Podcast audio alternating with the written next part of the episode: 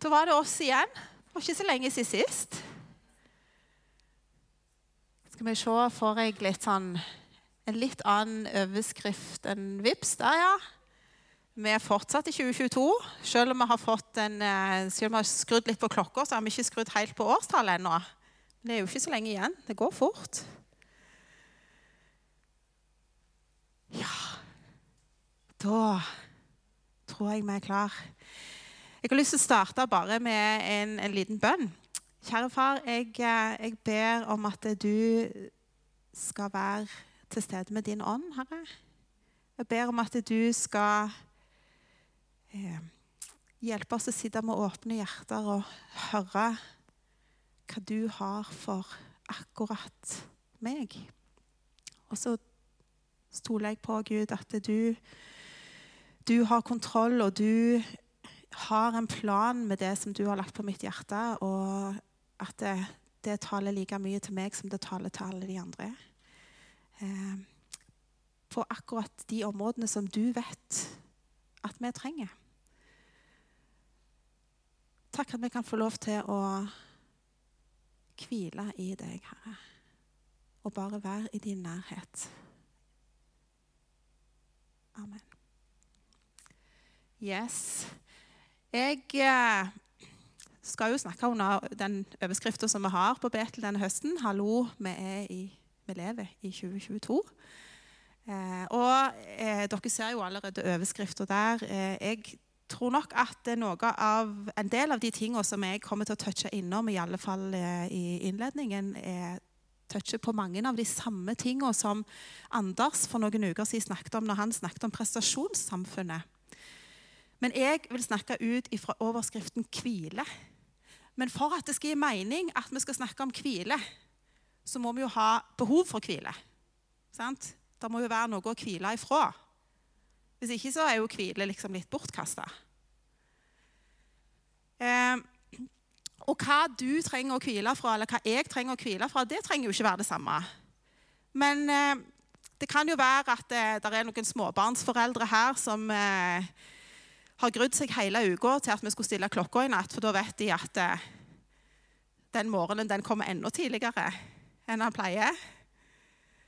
Eller kanskje har du som meg eh, på et tidspunkt i løpet av uka tenkt åh, nå er jeg sliten, skulle ønske det var fredag. Eller rett og slett at du kjenner at det tankekjøret i hodet. Alle bekymringene, alt du går og bærer på og tenker på, at du rett og slett skulle ønske at du fikk litt fred fra det. At du fikk hvile litt ifra det. Vår tid er jo prega av tempo, av at eh, vi, forventer, vi, forventer, effektivitet, vi forventer at vi har høy eh, produktivitet, høy innsats. Vi skal ha høy kompetanse på alle mulige områder.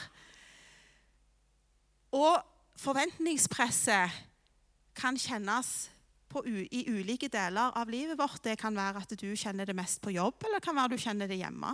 Det kan være du kjenner det i forhold til eh, at hvis du går på skole, at det er der du kjenner på et forventningspress. Kanskje kjenner du det på flere områder.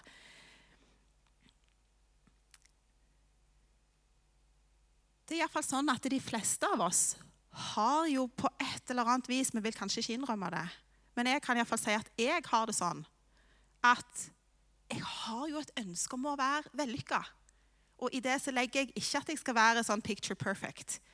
Eh, jeg har, har, ingen indre drøm om å være noen Barbie eller, eller den type ting. Men, men, jeg har jo et ønske om å få til ting. Jeg har et ønske om å være god på det jeg gjør. Jeg har et ønske om å Nå sier jeg det rett ut bli sett på som en som lykkes.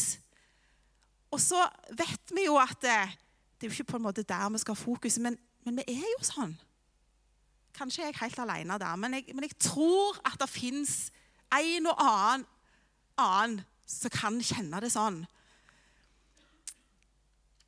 Men det som er så dumt, at istedenfor å på en måte fordi at jeg holder på og holder på, da. Sant? Så istedenfor å faktisk kjenne på en god følelse av at jeg lykkes, så ender jeg oftere opp i den andre grøfta med at jeg kjenner at jeg er sliten. Fordi at jeg, jeg går på feil grunnlag. Jeg betaler en pris som er så høy, sant? fordi at jeg, jeg holder på med meg sjøl. Og hvis vi ser på undersøkelser Jeg vet at Anders òg viste til ulike undersøkelser eh, som gjøres blant barn og unge. Så, så, så sier de òg ifra om det samme. De bruker ord som at de opplever stress. De opplever å ha vondt i hodet. De opplever stive skuldre. De opplever vondt i magen. Um, Ungdata som er gjennomført eh, nå i 2022 blant videregående skoleelever, eh, der svarer elevene i Rogaland at 39% den siste uka har vært ganske eller veldig mye plaga av at de opplever at alt er et slit. 32% sier at de har slitt ganske eller mye med søvn. Og så vet vi jo at det å slite med søvn det bånder ofte i et eller annet. sant? Og så mye som 36% sier at de har slitt litt med søvn, i tillegg til de 32 andre. Så da er det ganske høy prosent som sliter litt eller noe eller mye med søvn. sant? Hvis vi ser på de som føler seg litt, ganske eller veldig ulykkelig eller deprimert innenfor bare den siste uka, så utgjør den potten 65% Det er ganske mange. Og Senest i dag når jeg satt og scrolla litt på telefonen i morges, så datt jeg forbi en overskrift. Jeg var ikke inne og leste innholdet, men overskrifta sa 'Tolv år og sliten av livet'.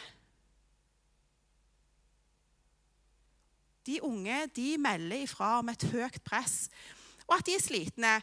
Og hvis vi, vi kan se på andre typer statistikker, vi kan f.eks. se på selvmordsstatistikken i Norge. Den er dessverre på vei opp, eller har de siste åra vært, vært, stigende. da.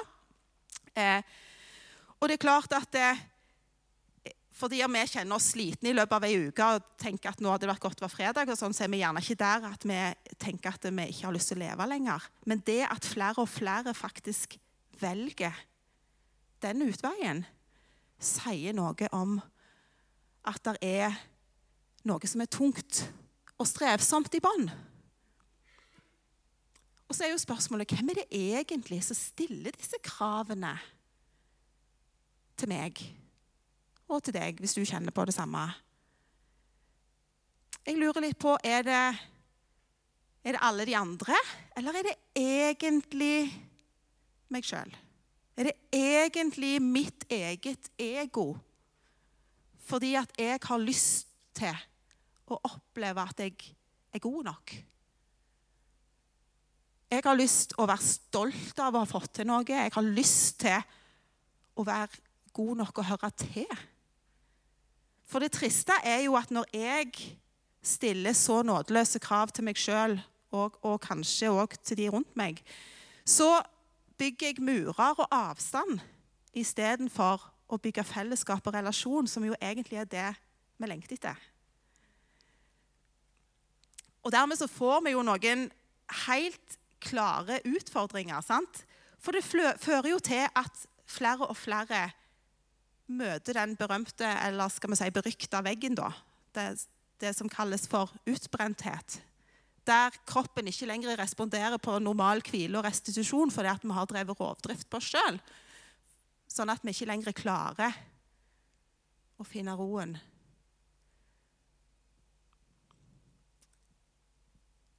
Vi trenger å lære hvordan vi hviler på skikkelig. Og vi trenger å lære ungene våre og ungdommene våre hvor de finner ekte hvile. Og jeg har lyst å ta dere med selvfølgelig inn i Bibelen. Det er derfor vi er her i dag. Eh, og inn i noen tanker som jeg har gjort meg rundt dette. Og da skal vi gå til Matteus 11, 28-30. Veldig, veldig velkjente vers. Men de taler rett inn i det vi snakker om i dag.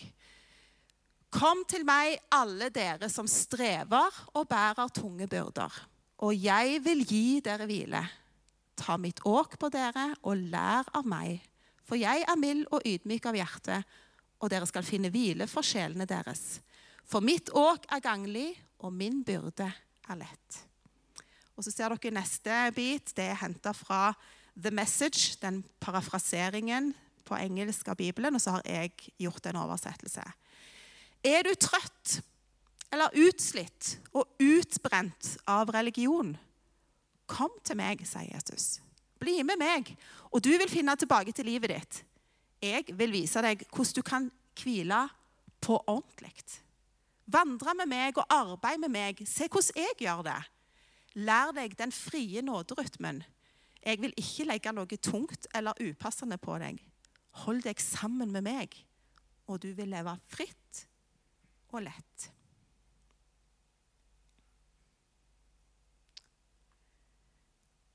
Hva er det da som ligger til grunn for det strevet og de tunge byrdene som jeg kjenner at jeg drar på?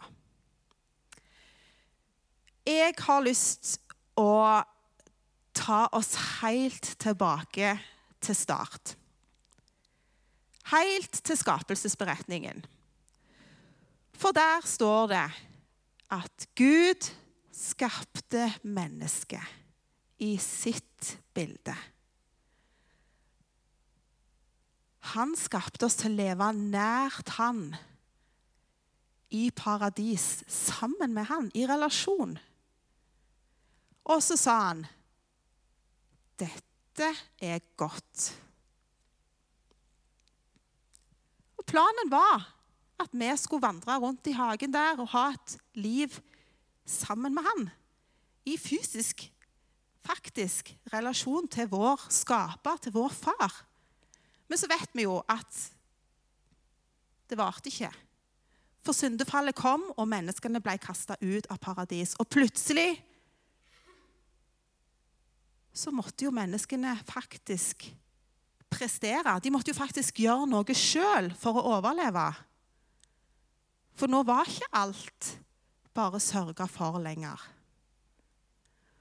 Og jeg tror at der ligger det et skifte fra naturlig å leve i nærhet til Gud, vår skaper, og naturlig hente sin identitet ifra Han, til plutselig å være atskilt og måtte prestere for å få til noe, for å leve, faktisk.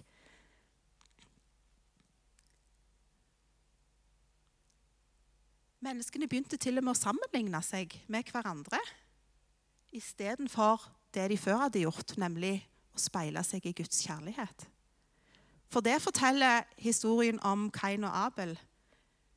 Den viser at pga. dette så oppsto det splid, ufred og misunnelse. Og Kain han leser med, han var så misunnelig på Abel fordi at eh, han, Abel, han, det offeret som han bar fram for Gud, det så Gud at var godt. Og så ville Kain være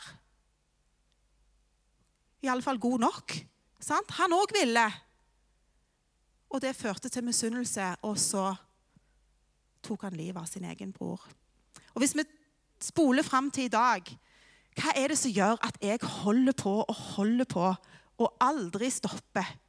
Selvfølgelig kan jeg jo skylde på sånn som Kain skyldte på sine ting. Sant? Så kan jeg skylde på at ja, men det å være rektor er en slitsom jobb, og det er travelt. og Til og med UDIR sier at det å være rektor er, flere oppgaver enn én person kan klare å løse. Det er faktisk bare meg som er rektor på den skolen. så Derfor er det så travelt. og Jeg klarer ikke, og jeg må holde på hvis jeg skal lykkes med denne jobben. Da kan jeg ikke stoppe å hvile. Jeg kan, jeg kan drive og skylde på sånne ting.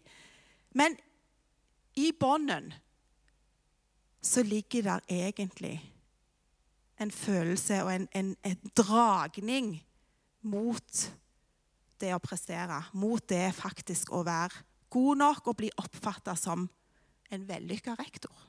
For det jeg har lyst til å være. Jeg har lyst til å være en flink rektor. Og jeg må være så ærlig og si at det er jo det som driver meg. Det er jo ikke det som står på UDIR sine sider om at det skal gjøres alle disse oppgavene. Det er jo at jeg vil være noe. Jeg vil være noen, jeg vil være god nok, eller jeg vil være bedre enn, til og med, kanskje. Og så sammenligner jeg med, med et sånt glansbildeversjon av hva andre får til,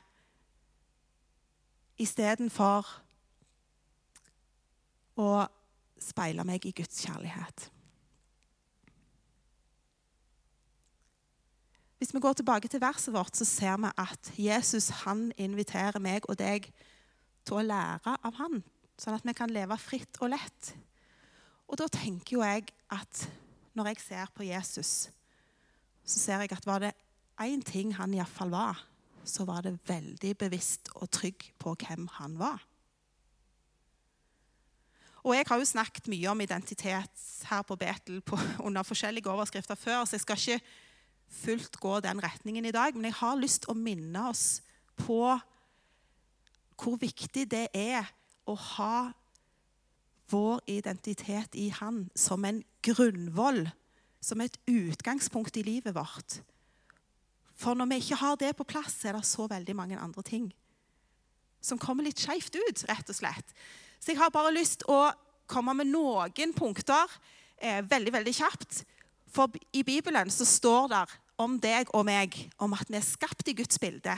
Vi er elska. Det står at vi faktisk så står det at vi er hodet og ikke halen. Det står at vi er, en, vi er mer enn en overvinner. Det står at vi er sterke i Han. Og det står, at, står faktisk at jeg kan gjøre alt i Han som gjør meg sterk. Og så står det at det aller beste av alt er at vi er rettferdiggjort, og vi er tilgitt ved Hans blod. Og så står det mange, mange, mange flere ting. Og det utfordrer jeg deg til å gå hjem og utforske og finne ut hva er det Bibelen sier om deg. Hvem er du? For dette er vår sanne identitet, hvem vi faktisk er i Han. Så det handler ikke egentlig om hva jeg kan prestere, men det handler om hva han har gjort. sant? Og så handler det ikke om hvem jeg er i meg, men det handler om hvem han er, og hvem han gjør meg til.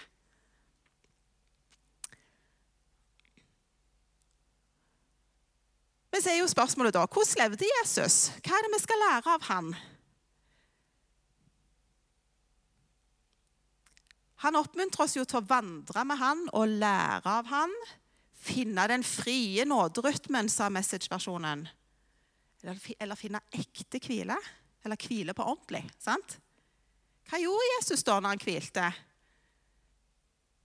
Bibelen forteller, eller Nytestamentet forteller mange ganger om at Jesus faktisk trakk seg tilbake. Enten alene eller sammen med de nærmeste disiplene sine. Og hva var det han hadde fokus på da?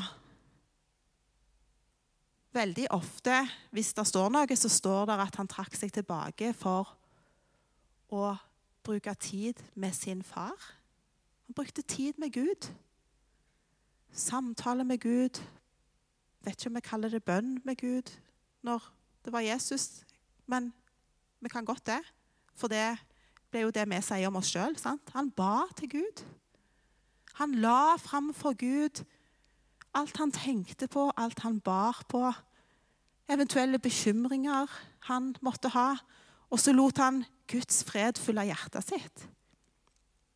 Så ser vi at han levde med en overbevisning om at Gud sørga for alle hans behov. Og Det var derfor han kunne si ikke sånn som jeg vil, men sånn som du vil. For han visste at Gud hadde 100% kontroll. Og han levde det ut. Og så ser vi faktisk òg at Jesus på et tidspunkt sier at 'Jeg gjør ingenting annet enn det jeg ser min far gjør.' Eller det, 'Jeg sier ikke noe annet enn det jeg hører min far sier'. Så han levde et utrolig nært forhold. Han brukte tid med, og han trakk seg faktisk tilbake fra det presset og den travle hverdagen som han òg kunne leve i. For vi leser jo mange plasser i Bibelen at det var enorme folkemengder som fulgte etter han.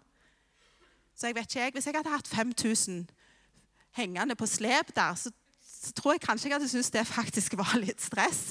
Og i tillegg skulle jeg ikke bare snakke til dem, jeg skulle jammen gi dem mat og sånt òg. Så, så det, ja, På en måte så tror jeg han, han trengte å ha ei rolig stund, han òg. Men hvordan er det med meg, da? Hva gjør jeg? Jeg vet iallfall at jeg er ikke kjempegod til å, å, roe ned i hverdagen. Jeg har en tendens til å tenke at eh, ja, ja. Nå vet jeg det er travel uke, og så bare kjører jeg på. Og så kommer neste, så tenker jeg neste uke blir bedre, og så kommer jeg neste, så vet jeg jo med meg sjøl at det blir jo ikke det. sant? Og så istedenfor å finne den hvilen, så blir jeg en slave. En slave av mitt indre behov for bekreftelse og for det å være god nok. Og Hvis vi da igjen går tilbake til Gamle testamentet, så finner vi andre som var slaver der. I andre Mosebok så leser vi om israelsfolket. De var jo slaver i Egypt. Den historien kjenner vi. Og Moses han fikk i oppdrag av Gud å lede dem ut. Han hadde, har dere lest og hørt historien om de ti landeplagene og hvordan han fikk nei fra farao x antall ganger, og til slutt så fikk de lov å dra.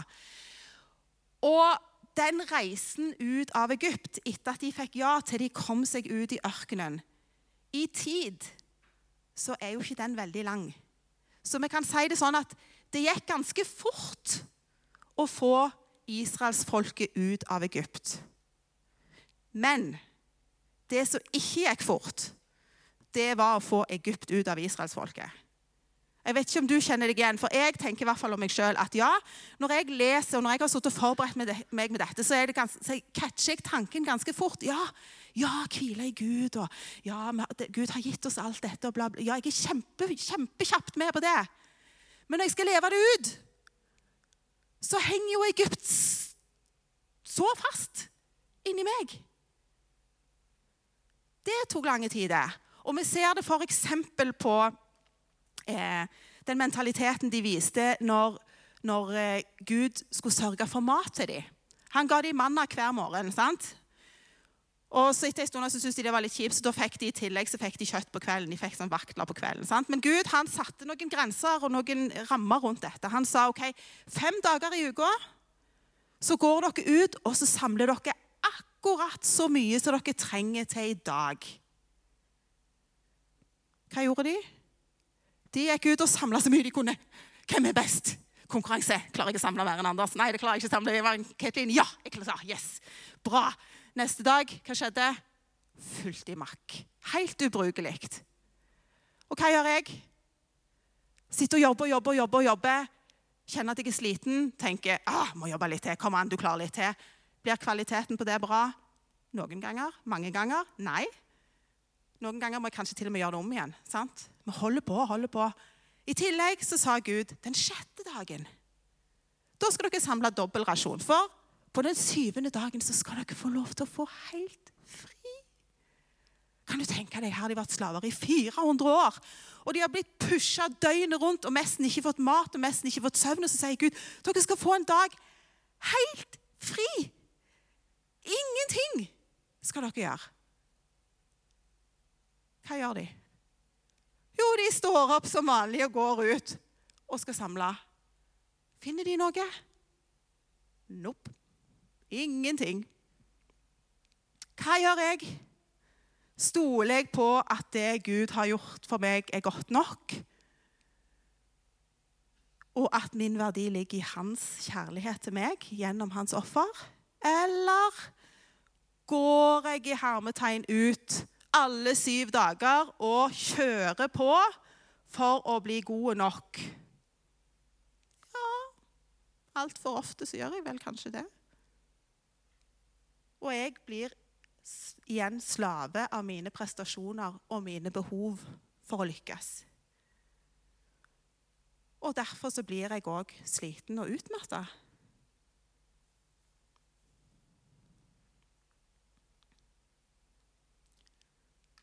Hvordan skal jeg finne den hvilen som Jesus snakker om, da?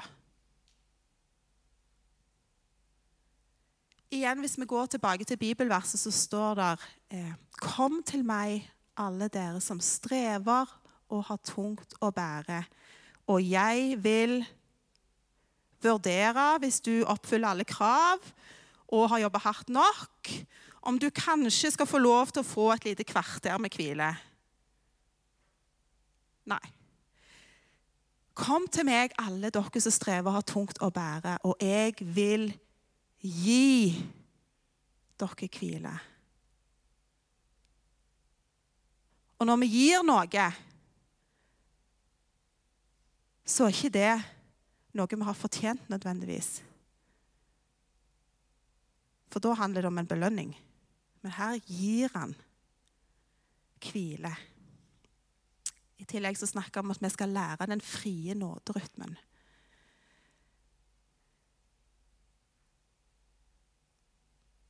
Vi trenger å lære dette for å finne den balansen i livet. Vi trenger å ta imot når noen gir noe. Når Jesus vil gi sin hvile til oss, så trenger vi å ta imot for at vi skal få den balansen i livet. Sånn at vi har det overskuddet til å leve det livet og være hans vitne i hverdagen sånn som han har tenkt. Som Anders var inne på når han snakket om prestasjonssamfunnet, så er det jo viktig å huske på For nå har jo jeg henta mye fra Gamle Testamentet, og det er jo i utgangspunktet loven. sant? Så vi skal ikke dette i den grøfta at det nå blir det en sånn lov for oss for Jesus han kom jo faktisk for å oppfylle loven. Og Jesus sjøl sa at eh, sabbaten er til for mennesket. Altså hvilen er til for mennesket. Det er ikke menneskene som er til for sabbaten eller hvilen. Eh, sånn at det er viktig at vi har faktisk et valg til å ta imot den hvilen som Jesus gir. Og vi har et valg til å ta imot den nåden som han viser oss. Men jeg tror allikevel at vi har mye å lære av å finne disse bibelske prinsippene. At de kan tilføre noe godt inn i livet vårt. Hvis vi går tilbake igjen til denne sjuende dagen, så var jo ikke det noe som, som eh, Gud fant opp når israelsfolket kom ut i ørkenen. Eh, men han brukte det til å vise sin omsorg for folket. Til å vise dem at jeg vil faktisk ta vare på dere. Jeg vil sørge for dere. Jeg vil oppfylle deres behov. For allerede i skapelsesberetningen så leser vi jo om at Gud sjøl han jobbet i seks dager. Og så hvilte han på den sjuende dagen. Så han sjøl viste oss den rytmen med at det er tid for å jobbe, og det er tid for å hvile. Det er ikke nødvendigvis noe veldig magisk med den sjuende dagen. Men det er et prinsipp om å finne hvile i Guds nærhet. Og så tror jeg jo òg at eh, Jeg ser i hvert fall i mitt eget liv at jeg får ofte gjort vel så mye eller iallfall vel så godt arbeid, hvis jeg velger å operere innenfor den rammen av energi som Gud har gitt akkurat meg. Og velger å ta imot og bruke tid i hvile når jeg har behov for det. Da oppnår jeg vel så mye. Så er det jo sånn at eh, den, hvis vi tenker oss den syvende dagen som en del av uka, så utgjør det sånn ca. 14 av uka. Eh, kan vi bruke det til noe? Kan, kan det bety noe for deg? Hva, hva, representerer de 14% for deg? Er det en faste dag i uka der du faktisk velger å hvile hele dagen? Eller tenker du at eh, du tar 14% og fordeler det utover uka? Er det sånn det fungerer for deg? Eller blir 14 rett og slett så mye fordi at du ikke vet helt hvordan du skal gjøre dette, at du må starte med å tenke kanskje 14 minutter dagen? Så du setter deg ned i Guds nærvær og sier OK, her er jeg, Gud. Nå skal jeg hvile i deg. Nå skal jeg bare være i din nærhet og hente styrke fra deg. Hva er det du trenger?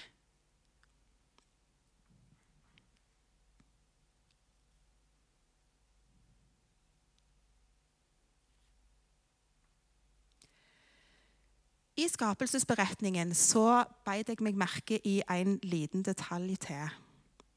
For det står om Det står når Gud skaper hver eneste dag så skaper han et eller annet, og så står det at han så at det var godt. Og så står det det ble kveld, og det ble morgen. Andre dag eller tredje dag. Eller. Det ble kveld, og det ble morgen. Så tenkte jeg hm, Hva hvis jeg tenker at hver ny dag starter med at det blir kveld, og det blir morgen. For iallfall syns jeg at mandagsmorgen klokka seks når den ringeklokka går, det er sykt stress. Fem over seks. Men hvis jeg tenker at min mandag starter når det er kveld, da starter jeg med hvile. For kveld er jo sånn typisk tidspunkt der de fleste av oss roer ned. Vi gjør rutinene våre, vi kommer oss i seng, vi slapper av. Vi skal sove. Kanskje til og med er det da du ligger, med, ligger og halvsover og snakker litt med Gud og forteller om hvordan dagen din har vært. og Lar Hans fred få lov til å fylle hjertet ditt. Tenk hvis det var starten det blir kveld, og det blir morgen. Så jeg utfordrer meg sjøl litt på det. Og så klarte jeg det én eller to dager, og så Mi, mi, mi, var den der klokka på fem over seks igjen. Og jeg tenkte, nei, nei, nei, vil ikke opp, vil. Åh, da var det der Egypten som satt så fast i meg. sant? Men så tenkte jeg ok, dette må vi øve på. Og så når jeg, Nå har jeg holdt på noen uker. Og jeg kjenner faktisk at når fem over seks kommer nå, så kjennes det annerledes ut enn for noen uker siden. Fordi at utgangspunktet mitt er at når jeg legger meg på kvelden, så sier jeg OK, Gud, takk for den dagen jeg nå har hatt, og takk for at du nå er med meg inn i den nye dagen som jeg starter nå.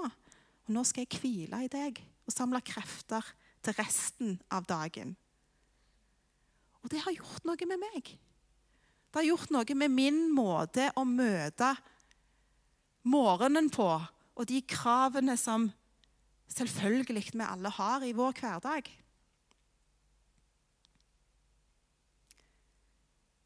Bare en tanke.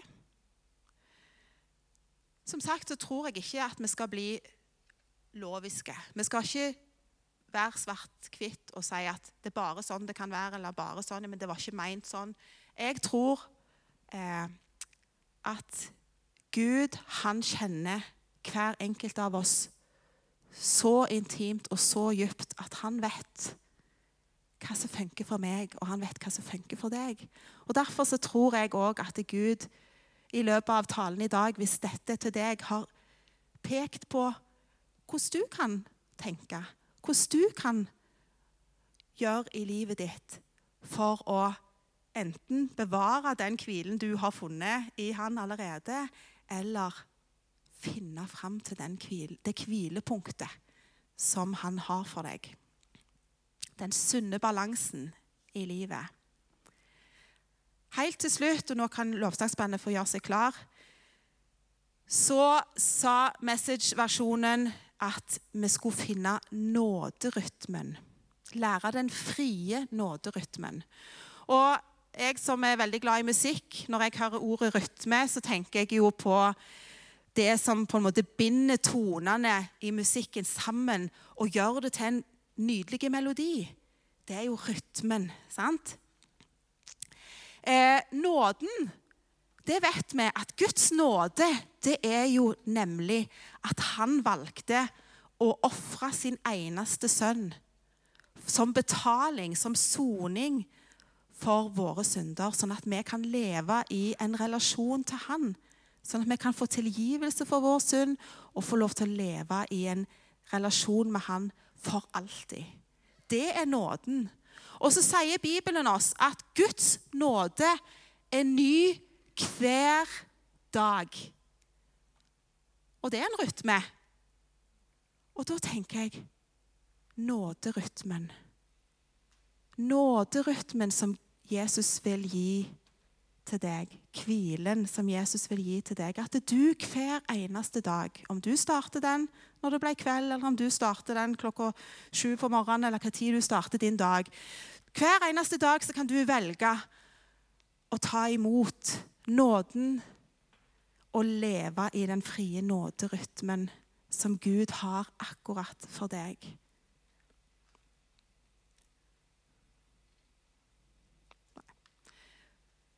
Så til slutt Er du trøtt? Eller er du utslitt? Eller føler du deg utbrent av alle krav og alle ting som du strever med? Religion, lover og regler. Kom til Jesus.